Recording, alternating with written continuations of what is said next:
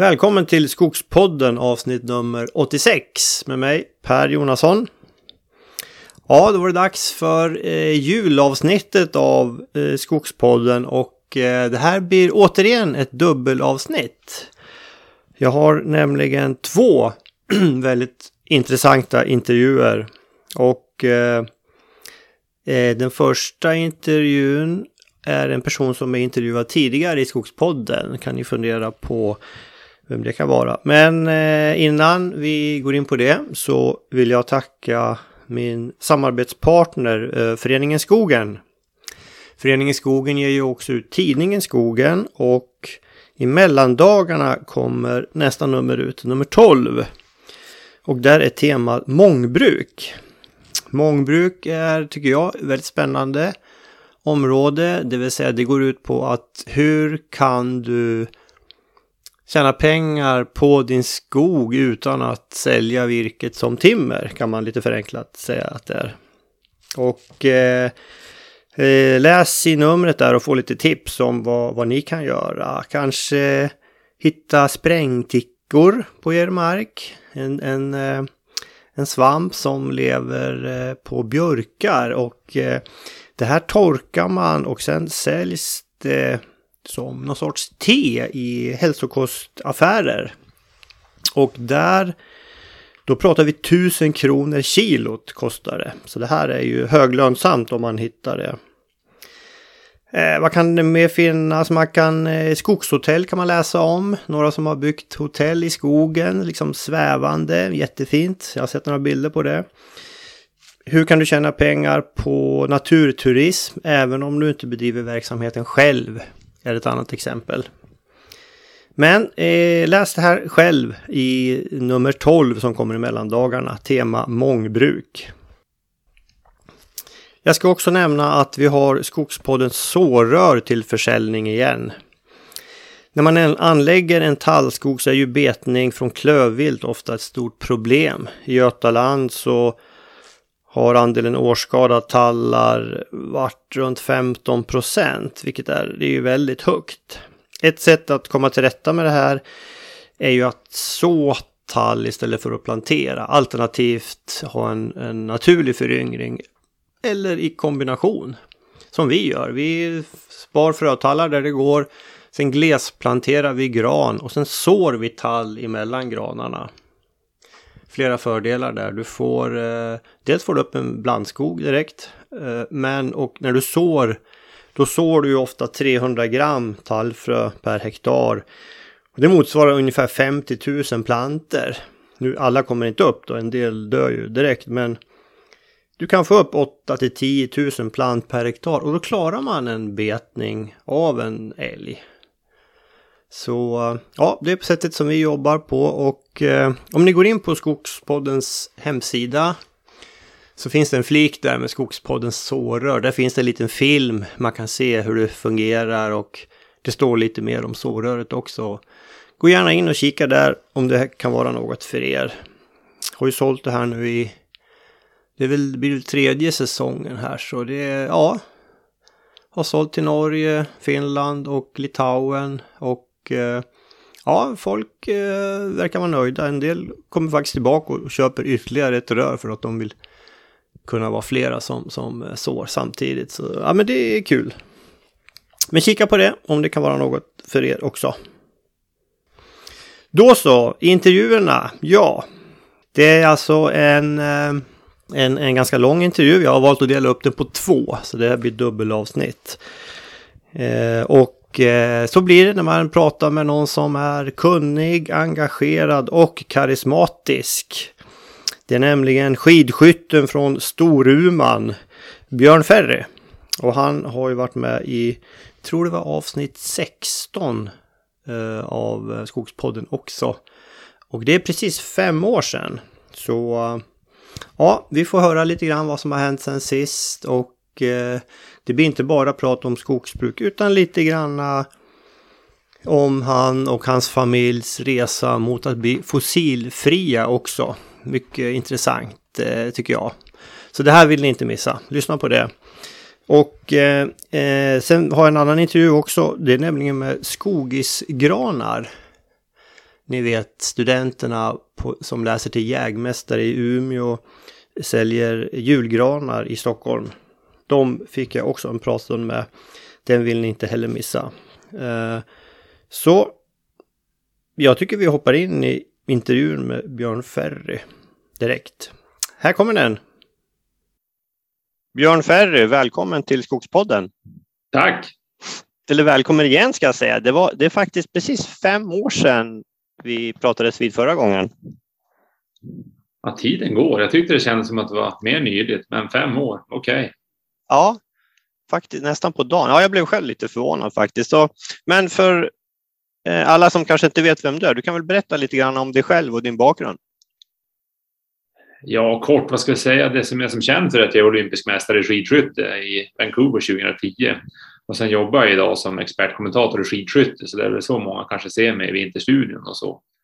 Men annars så har jag då varit det här med skogen, det kom in på 2009 då vi köpte vår första skogsfastighet och sen har jag och min fru då, Heidi Andersson, armbryterskan från ensamheten. Vi har köpt på successivt så att nu har vi totalt över 1000 hektar varav vi brukar knappt 700. Mm. Just det. Och det här skogsinnehavet ligger eh, runt Storuman? Ja, södra Lappland, så det är ju långt bort för de flesta som inte råkar bo just här och vi är ju ganska få. Det är 2000 i samhället och 6000 i hela kommunen som är en stor kommun med Tärnahem-Avan då i fjällen så att det är 30 mil norr om Östersund. Men vi har ju 52 mil till Kiruna så det är inte allra längst upp men södra Lappland i inlandet. Just det, just det. Och sen vi, jag tror det här var ungefär samma volym som du berättade ni hade förra gången. Ni har inte gjort några tillköp eller försäljningar av er fastighet?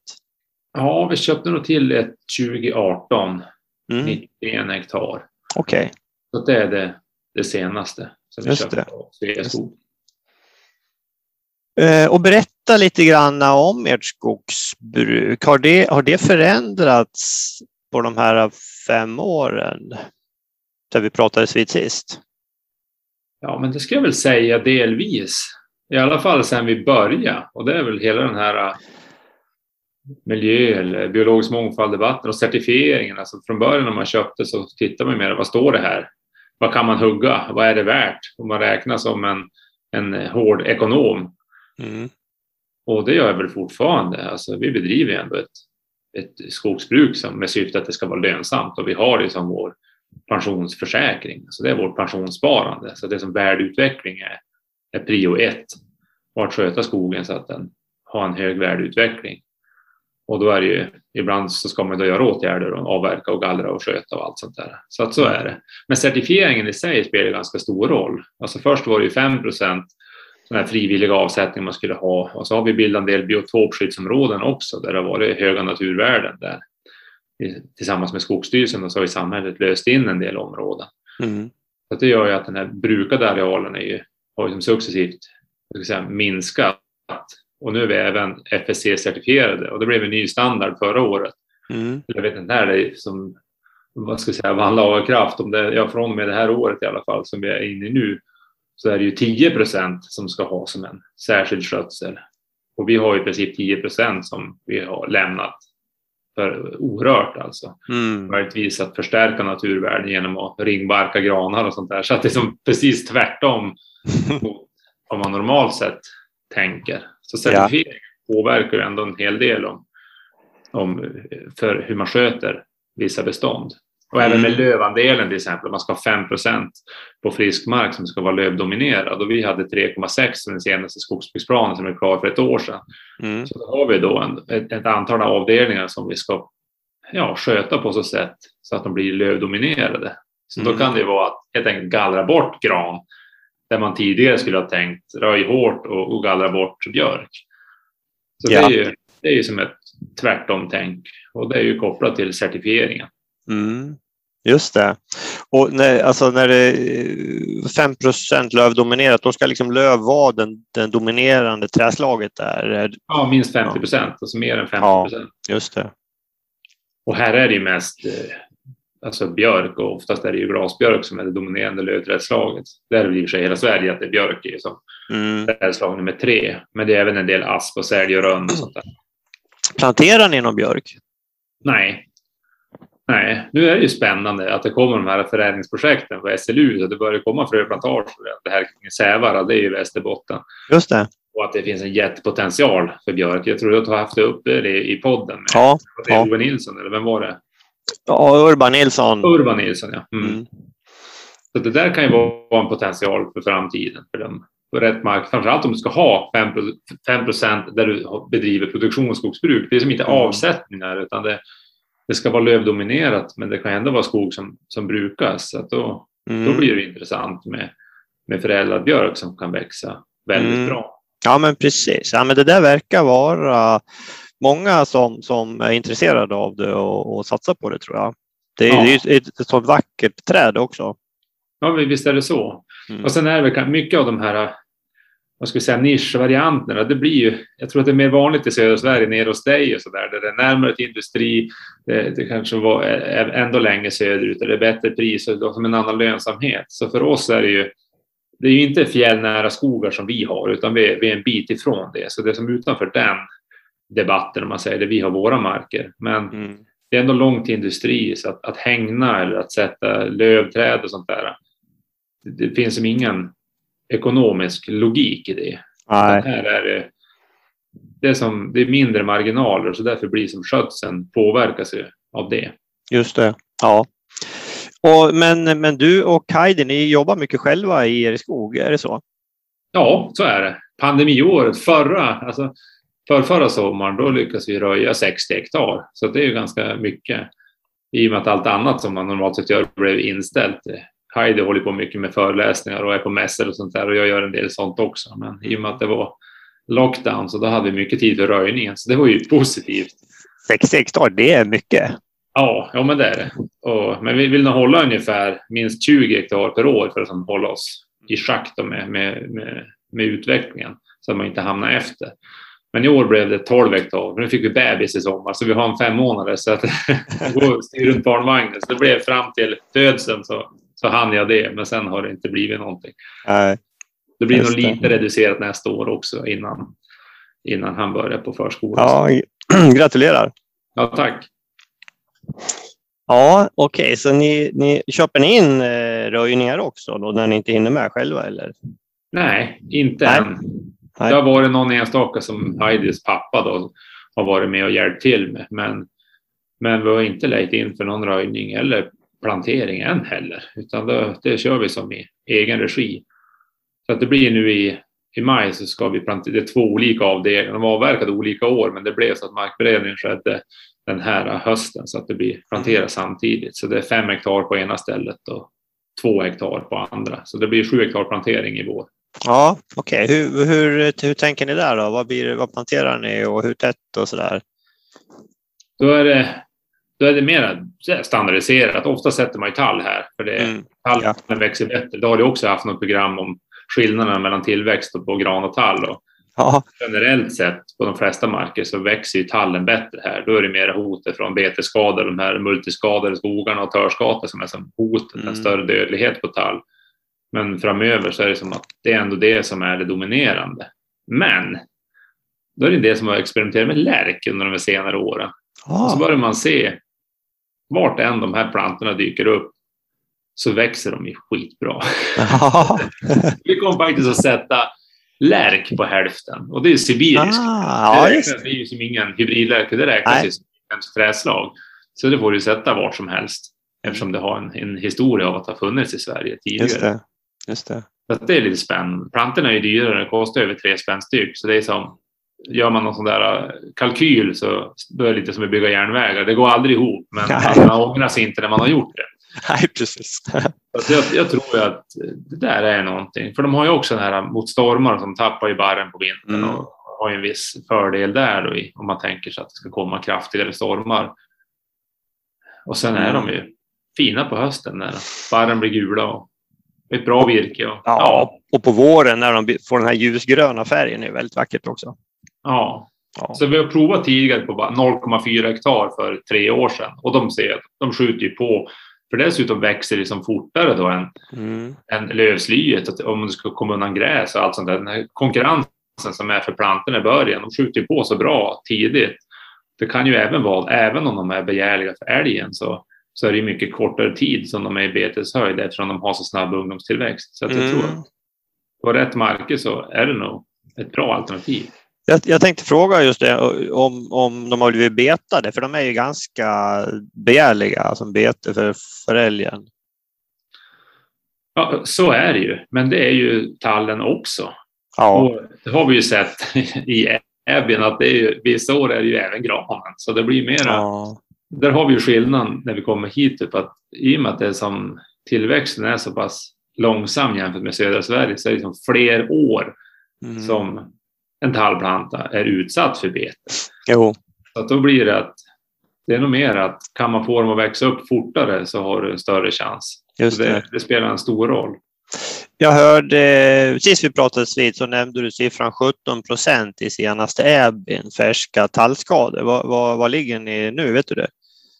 Att det varierar lite över åren, men man ska ju helst inte titta på enskilda år, utan det är de här tre års medelvärdena. Och då är det ju fortsatt högt, tyvärr. Ja, Men då ska jag ändå säga att årets älgjakt är ändå ganska tydligt att, att det är, alltså man har skjutit färre älgar.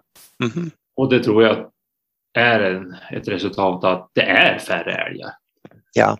Då, då finns det ändå förhoppning om att vi börjar närma oss att det faktiskt jakten påverkar beståndet Mm. på något sätt så att vi kommer ner en bit och då borde det synas i nästa, nästa års äbin.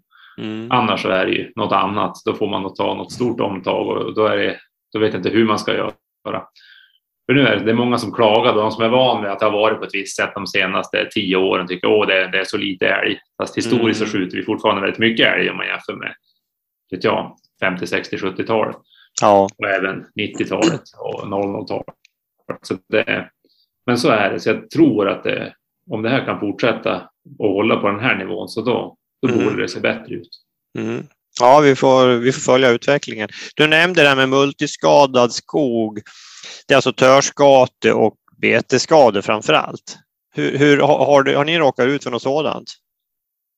Ja, det här med törskat eller gadden som man säger här uppe, det är ju som... Det är nog fler och fler som börjar vara oroade över det. Och det hör man både från de som kör maskin och de här virkesköparna och de som planerar avverkningar. Och att det är mycket, framförallt i de här då gallringsskogarna. För det är någon, man brukar skilja lite på gammal gadd och, och färsk gadd på något sätt. Och det är lite olika. Om du har en, en tall som är 90 år och, och får det där på toppen, det är som att då dör den inte. Det är bara att den växer inte på höjden. Men Mm. tallen dör inte, den kan stå där i 15 år och, och vänta tills den är, tills den är mogen ändå. Det, det, du behöver som inte avverka beståndet i förtid för att du har lite törskate här och där. Mm. Men får du in det i ett 40-årigt bestånd, då kan du liksom bara ana och går du dit tre år senare, då ligger den tallen på backen. Då är den Ja. helt stendöd och eh, helt Ja, ja. Så det går mycket snabbare den processen när det är lite Mm. yngre skogar. Mm. Så det gallringsskogar, de kan ju bli ganska hårt åtgångna sådär. Och det finns ju som ingen, tillbaks till det där med den lo- lokala ekonomin, det finns som ingen ekonomi att vara ute själv och plocka enskilda träd och, som man gjorde förr, att åh, där är en gaddtall, då ska vi hugga den. Så funkar det ju inte idag. Nej. Därför blir det att det finns kvar och det är väl samma med gr- granbarkborre eller om det är enstaka träd så är det ingen som bryr sig om det för det är, som, Nej. det är för mycket arbete för att få ut och ja, man tycker inte att det finns någon effekt av det och det går inte att få dit några avverkningsresurser för de är ju fullt prioriterade med att få ut sin volym. Ja. Det, det där det blir som att det lämnas åt sitt öde. Och just törskate är ju ett upp, uppseglande problem. Ja. ja, man har ju läst om det i tidningar. Och du, sa du GAD? G-A-D? Ja, jag tror på dialekt så, så skulle vi lägga till ett D till. Ja, det har jag inte hört, men ja, kul att läsa något. Och det är ju även de som blir de här kerugadden, alltså kärved och sånt där som kommer av de här som har dött och, och börjar försvara sig. Och det är de man sen gör upp eld när det regnar med och så vidare. Just det. Mm. Ja, ja. ja intressant. Eh, sen hade ni eh, gödslat ganska mycket också, va? Ja, det har vi också gjort. Hur gjorde ni det? vi Eh, hur gick ni till? Det har varit helikoptergödsling i alla fall. För det är samma sak där, att det är som större avstånd här och inte lika samma täta vägnät och så där. Så det är nog det mest rationella i, i vårat län. Att, att göra. Och det blir väldigt exakt också med de här moderna GPSerna. Så det är som mm. Det är ju inte föraren som trycker på en knapp och, och släpper utan det, sker, det är ju förprogrammerat så att när de är inne i området så, mm. så det, det, kommer inte att släppa på grannen, kommer inte att släppa på vägen, kommer inte att släppa i vatten och så vidare. Så, och det är anpassat till, till farten så det, det blir väldigt exakt spridning plus att du slipper då att gå in och köra i beståndet en gång till. Ja. Det, det är någonting som funkar bra och det ser man, det har ju en bra effekt, så är det ju. Ja, ja men det är MPK då, eller? Ja, det är ju som i huvudsak är det ju, det är ju kväve som är, ja. som är som huvudbeståndsdelen. Så att det, det. Det, är det vanliga.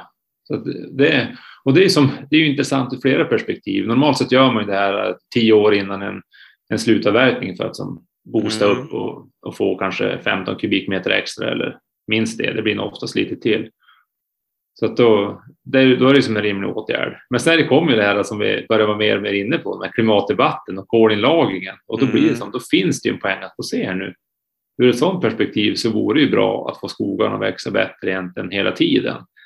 Och det finns, vad heter de, Arevo som har lite med plantorna, att de, mm. har lite behållare när de sätter plantorna och får Just några korn med, med, ja. med, med gödsel och att de då får en mycket snabbare start. Och du kan även tänka dig att gödsla efter första gallring och då är, det, då är det ganska långt till slutavverkning. Så någon sån här ekonomisk modell så är det ju som inte lönsamt. Men ur en kollagringsmodell så är det ju väldigt vettigt. Mm. Och sen när man ser hur fastighetspriserna även här då har börjat segra upp. Nu börjar vi ligga kring 300 kronor kubikmeter i vårt område. Så då blir det som en fastighetshöj, alltså värde, det här som jag pratade om tidigare, värdestegring på fastigheten, att man som värdeutveckling. Om man har det som parameter, för det tror jag fler och fler har, att mm. direktavkastningen på skogsbruket ser ganska blygsam ut, men det, värdeutvecklingen på fastigheten, den är väsentligt bättre. Så vad kan man göra för att höja den? Mm. Och då kan det här också vara ett, ett, enkelt sätt att få extra kubikmeter som direkt vid en försäljning är värt 50 procent mer. Mm. Hur, hur, gammal var skogen som ni gödslade? Första var 82 då. Ja. Och det är nu sex år sedan. Mm. Och eh, de andra två bestånden har varit 45-50-åriga. Alltså ja, efter första gallring. Mm. Två år efter första gallring. Ja, intressant. Mm. Och har, du, har ni kunnat se liksom att, att, att det blir högre tillväxt? Ja, fast du vet ju, det är, för ett otränat öga, så alltså går någon vanlig dödlig in i skogen så ser de ingen som helst skillnad. Nej. Och det här första beståndet, då är det som att bäriset har blivit frodigare också. Så där har vi plockat blåbär nu några år. Mm. Att det blir som att ja, allting växer ju bättre. Ja. Så, så, det ser man och tittar du på, på barren så, så blir de ju längre och grönare. Så det, det är det som är som hela effekten att mm. barrtillväxten ökar och då får du som en, en starkare fotosyntes. Det är det som är som grejen med att det växer bättre. Mm. Men så kan du även se något, om det är lite, någon liten svacka med någonting lite fuktigare där det kanske växte lite gräs, ja det växer mer gräs. Mm. Och sen är det där övergående, så efter tio år så ser man egentligen ingen skillnad. Men på årsringarna så då är det ju en, det är en tydlig tillväxtökning. där. Ja, och det här, det här är precis som du nämnde, det här ökar ju kolinlagringen. Alltså numera, jag läste, ja, det var ganska nyligen såg jag att man kan ju faktiskt få betalt för sådana här åtgärder, alltså för att man binder mera kol i skogen? Ja, det börjar ju komma och jag är, jag är själv engagerad i ett företag som heter The Forest Solution som jobbar precis med det här. Det som är i mm. start, startgroparna och det finns ju några andra som också börjar hålla på med att, att kanske plantera igen åkermarker eller att man försöker hitta sätt eller bara via skogsbruksplanen skulle du kunna få betalt för din ökade kolinlagring på något mm. sätt från någon som vill köpa det här. Och det här är ju som på ett tidigt stadium på den frivilliga marknaden och samtidigt bara den här taxonomin, nu ska den ju som in och det här är lite, man är liksom inte riktigt fullt insatt men det är som på gång att skogen på ett vis kommer att räknas in i det här antingen utsläppssystemet och det ska bokföras på ett tydligare sätt och så finns det åtgärder och vem ska få räkna vad? Om jag gör det här, då ska jag få räkna den här tillväxten eller är det Sveriges eh, riksdag och regering som ska räkna den? Man får liksom mm. inte räkna samma sak flera gånger, så det måste som bli något tydligare regelverk på hur ska det här bokföras? För Sverige ska ju redovisa sina klimatutsläpp och upptag inom det här LULUCF, alltså Ja. skogssektorn och jordbrukssektorn. Så att det där kommer ju att komma in. Och det märker man att ja, men som du och jag som markägare, kan man få betalt för det så ja visst, då kanske man kan skjuta upp avverkningen i 10-20 år. Och att det är fullt rimligt att man inte behöver göra allting så snabbt som möjligt utan Mm. att sköta vissa bestånd med tanke på kolinlagring och annat kan vara direktavkastningar. Det skulle kunna ge en större mångfald i brukandet. Mm. Men man får känslan från industrihåll så är de jätteskeptiska än så länge. Ja, Nej, men det, det är spännande. Jag, som sagt, jag, det, det, finns ju en del företag som håller på med det här. Det ska bli kul att se vart det tar vägen just med ja, just slänga eller hålla skogen 20 år längre kanske. Ja. Då, då kommer vi automatiskt in på det här med fossilfri 2025.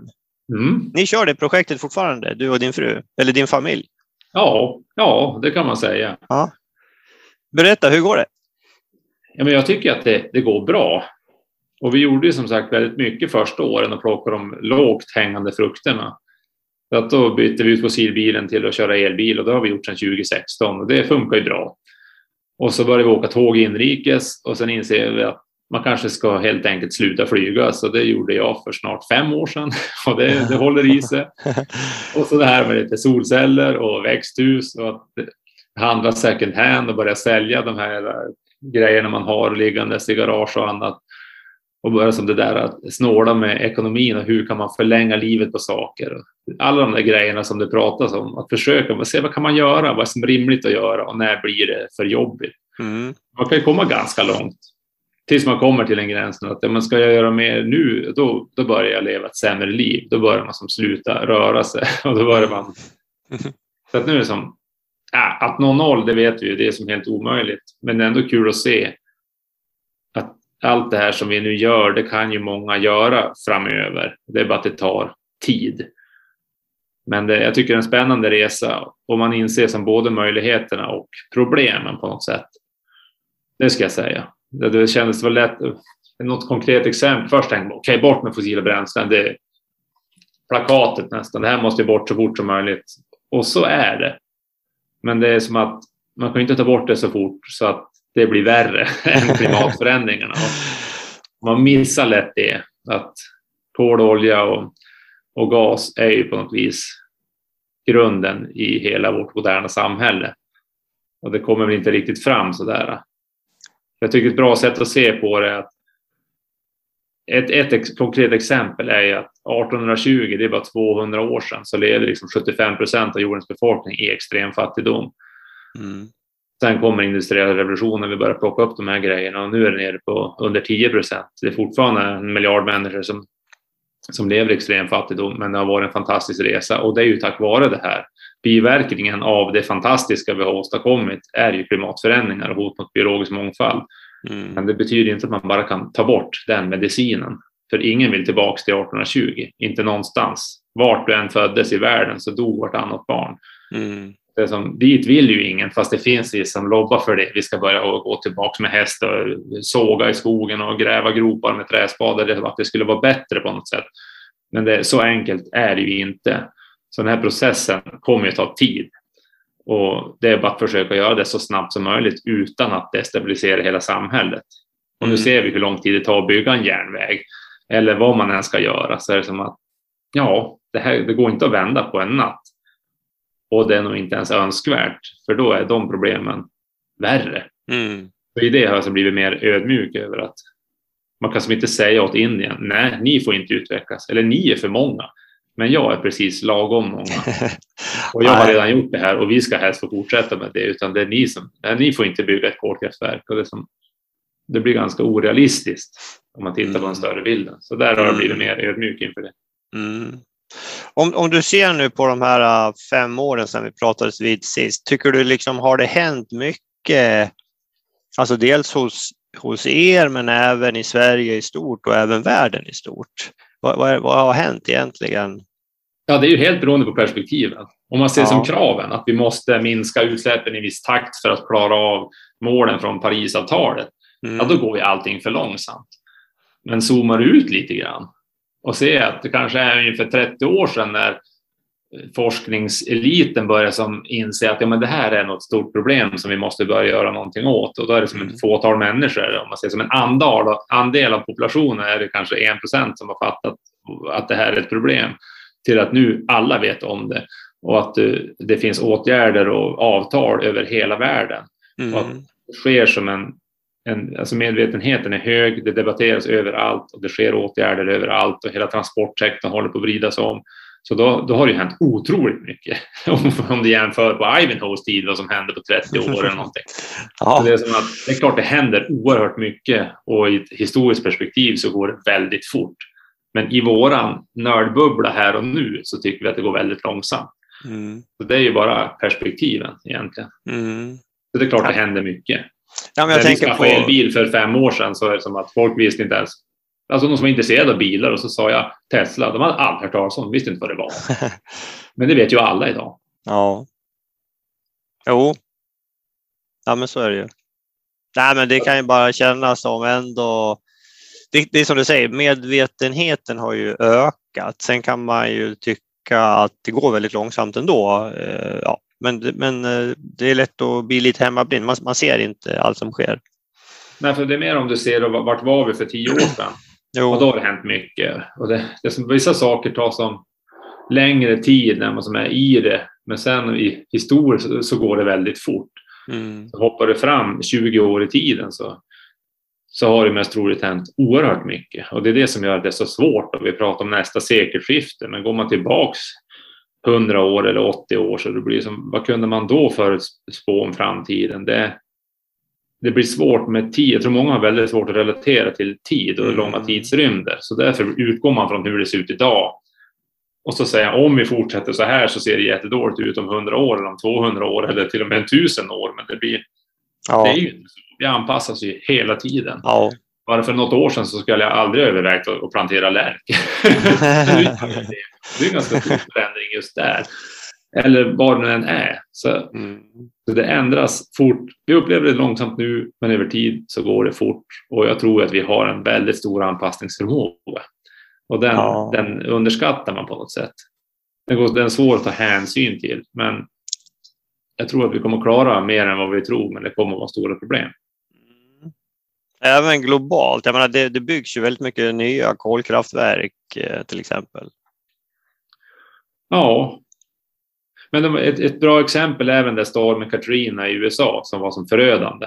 Ja. Och det blev det ju där för att det var bristfällig infrastruktur. De här dammarna var dåligt byggda och husen var dåligt byggda och sen renoverade man och gjorde om allting. Och sen kom nästa stora storm, vad den nu hette, Aida eller någonting, och den var lika kraftig och då hände nästan ingenting. Så mm. det blir det är väl inte så många som dör i Sverige av att det är kallt eller att det är varmt eller att det blåser eller att det blir översvämningar. För vi har som infrastruktur som klarar det. Och då är det ju mer att så länge den ekonomiska utvecklingen fortsätter så är det ju fler och fler som helt enkelt anpassar sig till de här förändringarna. Och man kanske inte bygger husen på de sämsta ställena. Man kanske ser till att man inte hugger ner skogen där det är risk för jordskred och allt möjligt. Alltså kunskaperna och allting utvecklas ju. Så att det skulle vara på samma punkt idag om 50 mm. år, det, det är ju inte troligt. Utan Japan med det här tsunamin. Då har de väl lyft upp de där husen tre meter. det kan vi göra. Det kostar mycket pengar, men det är som inte är helt orimligt. Så jag tror att vi som anpassar oss mer, det gör vi i Sverige. Vi har förstärkt dammarna som klarar högre hundraårsflöde. Man höjer upp eh, hamnarna. Man bygger vägar på ett annat sätt och hus på andra ställen. Så att successivt så anpassar oss till det här. Och det är som inte orimliga kostnader. Men då finns det delar i världen där man inte gör det här, inte har råd. Men varför ska de inte ha råd om 50 år? Det är mm. som ändå, vad är det? det är 80 år kvar nästan tills havet ska höjas 60-70 centimeter. Det är inte orimligt om man vet om det 80 år före, att man kan anpassa sig. Så det, det, det är båda delarna på något ja. sätt. Ja. Samtidigt. Fast vi ja. pratar väldigt lite om anpassning för att man vill som här flyttar det nu så att vi ska göra så mycket som möjligt och det ska vi göra. Men som det ser ut så finns det inget som tyder på att vi kommer att klara det här 1,5 graders målet. Ingenting pekar ju mot det. Nej. Förr eller senare kommer man till att vi får nog leva med det här och vi måste anpassa oss till det. Mm. Man vill inte säga det för tidigt för att man ska tappa motivationen att göra det. Men det där blir ju, de kommer hela tiden att, att samvariera och förhoppningsvis i något demokratiskt system så fattar man vettiga beslut Och det tror jag väl egentligen att, att det är så. Oh. Nej, men jag, jag tänker just på alltså Europas energiframställning är väl till 70-80 procent fossil fortfarande. Så det är ju liksom, ja, det känns som vi, vi, har, vi har gjort en del, men det känns som vi bara skrapar på ytan när man ser de siffrorna. Liksom. Ja, det ser man hur långsamt det är. Man tycker ja. att nu är solceller överallt och det är vindkraftverk och det är modernt och det är ja. och det, åh vad bra. Och sen är det fortfarande, globalt är det väl fortfarande 80 procent. Ja. Och det går inte som att ta bort, för det är det som är som hela vårt välstånd. Ja. Men vi måste bort från det förr eller senare och vi kommer bort från det förr eller senare. För det är ju fossila bränslen, de är ju inte oändliga. Nej. Så I någon form av tidsperspektiv så kommer de här att ta slut. Det är mer hur snabbt kan vi göra det här ja. utan att det är värre än att inte göra någonting alls. Ja. Det är liksom, hur många år kan vi förkorta tiden innan vi har gått över till det här förnyelsebara samhället? Det är det som är uppgiften och det är till mm. exempelvis Teslas mission att man vill accelerera den här utvecklingen och det är det som är deras egen måttstock på hur många år kan vi tidigarelägga den här transformationen som kommer att ske oavsett. Ja, ja men det är bra. Det är bra. Vi ja, kan det... göra det på 30 år istället för på 150 år och då är väldigt mycket vunnet. Ja, absolut. Ja, nej, men spännande. Vi, och med det här kan man, man kan följa er på fossilfri.se. Ja, för .com ja. .com, det är ja. Heidi som skriver det och lägger ut när vi gör saker och så vidare. Ja. Men det finns att följa på, på nätet. Ja, men det är kul. Det, där är ni ju ett eh, föredöme. Ja, tack. Ja. eh, jag tänkte hoppa över till en annan grej. Om jag läser en ingress här. Increased numbers of wintering forest birds in Swedish Lapland 1986 till 2017 show stronger correlation with forest development than with local weather. Berätta om det här uh, spännande rapporten. Ja, jag har ju som nördat in mig lite i den här fågelvärlden. Så jag har faktiskt varit med och publicerat två vetenskapliga artiklar och en tredje är på gång också. Varav två av de här tre handlar om tretåig hackspett och en ny inventeringsmetod för att kunna inventera dem helt enkelt. Och den du nämner nu, det var, den handlar mer om utvecklingen här då i södra Lappland där jag bor. Där jag utgått från ja, en sån här inventeringsrutt som min gamla biologilärare Håkan Rune har gjort då, sedan 1986 och fem gånger varje år. Och det är lite kul att se då, men hur är trenderna på det här då? Och kan man hitta någonting kopplat till klimatförändringar eller väder, alltså nederbörd och temperatur mm. eller skogens utveckling och titta på parametrar som död ved och skogens tillväxt och ja, mm. areal, kalmark och sånt där. Och då verkar det just i det här fallet, och jag tror det stämmer ganska bra även generellt, så är det som egentligen ett tätare samband med exempelvis mängden död ved. Att det är ganska tydligt att ökar mängden död ved så då, då följer, följer fåglarna med. Mm. Och det stämmer ju ganska väl med att man vet att de här substraten och insekterna och boträden och allting, att det som hänger ihop. Och bristen på död ved har man ju pratat om väldigt länge. Men att den faktiskt har ökat både i Västerbotten och i Sverige i stort successivt under lång tid och att det är en sån där långsam grej som är väldigt mm. bra för biologisk mångfald. Ja. Och det är de högstubbarna vi gör, men även då att barkborrarna härjar och sådär. Det är som att det är väldigt negativt för produktionen där det sker i stora utbrott, men för biologisk mm. mångfald är det som inget problem. Så det är som att de här går, ja, ibland går de hand i hand och ibland inte alls. Men det, det, var som, det var väldigt kul att gå in i den här forskarvärlden och nörda ner sig och, och gå igenom den processen och få mm. förståelse för hur det fungerar. Och det tycker jag är väldigt spännande och lärorikt. Även om just den här studien är som en, den säger ju ingenting om hela världen, den säger ingenting om hela Sverige. Den säger kanske någonting om hur utvecklingen har varit i Storuman. Och då pekar det ändå mot att utvecklingen i skogen är som en större påverkansfaktor än klimatförändringarna. Även om mm. klimatförändringarna gör att det blir successivt bördigare och lite varmare så arter mm. som tidigare inte trivts här kanske kan börja trivas här så att du får som en jag ska säga, en invandring och så en, vissa arter som är, har en nisch där det är kallt och de kan bli lite utträngda om du tänker fjällräv mot rödräv och så vidare. Eller mm. rödingen får det liksom tuffare medan abborren och gäddan vandrar norrut. Och så. Sånt är ju kopplat till klimatförändringar. Men att skogens utveckling i sig för fåglarna är nog en viktigare parameter. Mm. Och då hoppas jag det är bra att hålla koll på fåglarna för då kan det som vara vad gör vi i skogen? Är det här bara dåligt eller är det delvis bra? Och där är det som en stor debatt och ofta fokuserar man på vissa enskilda arter som det går dåligt för som det som, som är kopplat till skogen. Det kan vara vitryggig hackspett eller, eller sådana här saker. Men den generella bilden ser ju inte lika dramatisk ut. Det är som inte att vi inte kommer att ha fåglar i Sverige om hundra år. Och mest troligt kommer vi ha fler arter också. Några mm. kommer att ha det tufft. Och vissa kan vi göra någonting åt så att de faktiskt ska finnas kvar. Några kanske inte ens kan det.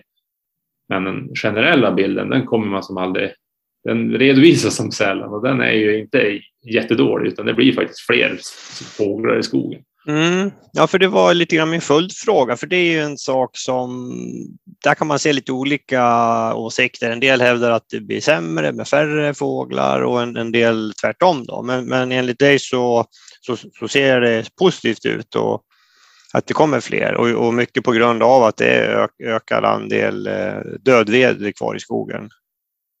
Ja, alltså det är komplext. Det beror helt på vad det är man menar. Mm. För det är som att det är olika mått på biologisk Det är en artikel som jag vill göra som, som förhoppningsvis kan komma om ett år. Det är så långa processer på sånt där. Det är inte bara att verka ur sig och sen publicera nästa dag och så, så här är det, utan det tar ju så himla lång tid. Men att titta just på hur många fåglar finns det? Och mm. kanske biomassan av fåglar, alltså hur mycket liv, om du lägger ihop vikten på alla fåglar. För det kan ju vara att stora fåglar försvinner och att små fåglar gynnas av det. Men så totala biomassan är också ett intressant mått. Ja. Och antalet arter som häckar i Sverige är också ett intressant mått. Men sen kan du gå in på lokala, här, och ju mera nischat, hur går det för hackspettar generellt sett, eller hur går det för mesar? Mm. Eller, så, ju mera du går in på detaljer, ja, men, och det är ofta så forskning är, om man är fokuserad på problem, så då hittar man någonting där det är ett problem och säger att det här är ett problem och det här måste vi göra någonting åt och det här skulle man kunna göra. Mm. Det pratas ju inte så mycket om den generella större bilden, det är väldigt fokus på de få de som är hotade och rödlistan och så här. Mm. Så det hade varit bra att få ett större perspektiv så att man har som en vettig utgångspunkt. För sen vad man ska göra, det är ju kopplat till värderingar. Ja. Och det är därför man tycker olika. Någon tycker att det är katastrof, någon tycker att det är okej. Okay. Alltså ett bra exempel är den här budgeten som inte gick igenom. Och då, det betyder liksom att Miljöpartiet lämnar regeringen Medan mm. sossarna tycker att det var ingen större skillnad på budgeten, så de kan regera på vilken som helst. Ja. Och där har man ju som en... Man, man, regerar tillsammans, men man har, som, man har som totalt olika syn på de här budgeterna. Och då ja. förstår man att Miljöpartiet brinner ju för naturvård och miljö och biologisk mångfald. Så för dem var det en katastrofal budget. Men sossarna tycker ju inte det. De har ju andra frågor som de tycker är mycket viktigare. De pratar om samhället i stort och så vidare. Så det som, där kommer ju värderingarna fram ja. i i som politiken. Och du och jag är lite nördiga i skogen, så vi har det fokuset och tycker oj vilket krig det är här. Mm. Men för många är det som en icke-fråga egentligen. Det finns andra saker. Alltså en dag kommer bombplanen, det är en större fråga. Så det är som, ja, det där är ju det där är spännande. Jag har, aldrig, jag har inte kommit runt det riktigt ännu, det här med värderingar och hur det styr och hur det även styr forskning och vilka frågor man ställer och hur man tolkar svar. Och man vill som veta, ja men vad är det vi pratar om egentligen? Mm. Vad är hoten och vad är möjligheten? Vad är det, som, vad är det vi pratar om egentligen? Och där, där begår man som ofta fel när man går in för nördigt. Det tar som klimatfrågan, det spelar ingen roll om Sverige når sina mål om vi samtidigt minskar chanserna för Finland eller Baltikum att nå sina. Det är som en mm. global fråga, så vi måste hela ja. tiden ha fokus på minskar utsläppen i världen? Kan vi få ner koncentrationer av koldioxid i atmosfären? Det är det som är Ja, det, det är kanske samma med biologisk mångfald då, att det är som att försvinna. Det är, vart är problemen och, och vad är det stora hotet? Är det mot människan eller för arterna själva? Vad är det vi pratar om? Och vart ska vi som, sätta resurserna så effektivt som möjligt? Ja, Nej, men alltså, och det, det är här jag kan känna en frustration då när vi stänger ner våra reaktorer. För mm. ja, men vi behöver inte det, vi har så mycket el. Ja, men den hade vi kunnat exportera då till Baltikum så hade de kunnat slippa köra sin kolkraft. Ja. Jag menar, utsläppen... Och där kommer vi tillbaka till värderingarna och att det är någon folkomröstning för 40 år sedan som hälften lever inte nu och de som lever nu kan tycka något annat. Och, och jag har ju som, vi har ju folkomröstat i Storuman om det här kärnavfallet i mitten på 90-talet och det var ingen som ville ha det hit.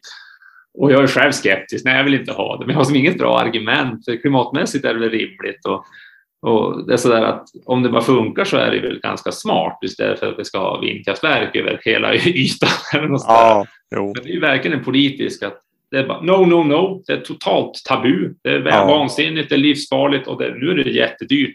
Och andra säger, de har pratat om bara kärnkraft i, i 40 år, att det är som lösningen på allting.